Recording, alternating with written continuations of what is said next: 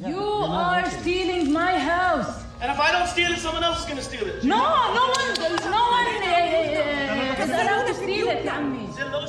هجموا على البنات كانوا البنات أنا رنوا علي أنا بنات انعدام الأمان وعدم استقرار وتهديد دائم بالتهجير وإخلاء المنازل هذه المشاعر اللي يعيشها العشرات من العائلات الفلسطينية كل يوم في حي الشيخ جراح بعد ما كان العالم ما يسمع قضية الحي.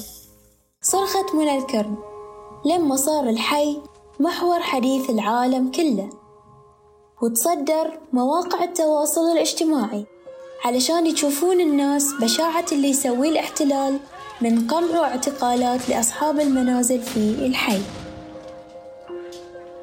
قصة منى مختلفة.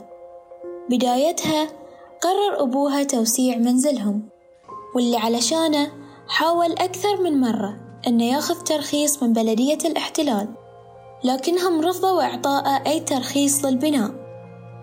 ولأن السلطات الإسرائيلية ترفض أي توسع فلسطيني في المنطقة وبعد محاولات عديدة وياهم قرر بناء المنزل من دون ترخيص.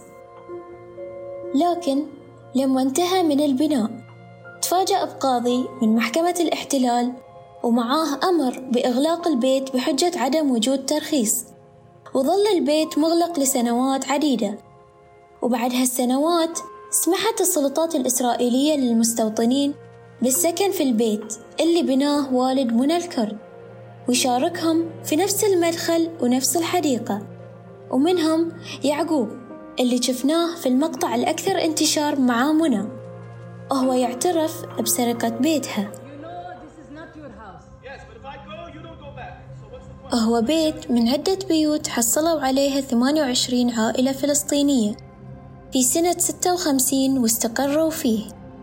من خلال اتفاقية تسمح لهم باستئجار البيت لمدة ثلاث سنوات.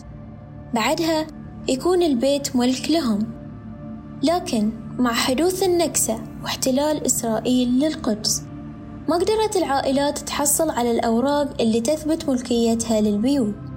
ومن هني بدأ النزاع بين سكان الحي والجمعيات الاستيطانية اللي تدعي أن هذه الأراضي ملك لليهود. ما حد من أهل الحارة رح يطلع إلا لآخر لحظة يجوا يشحطونا شحن نعيش. بيتنا.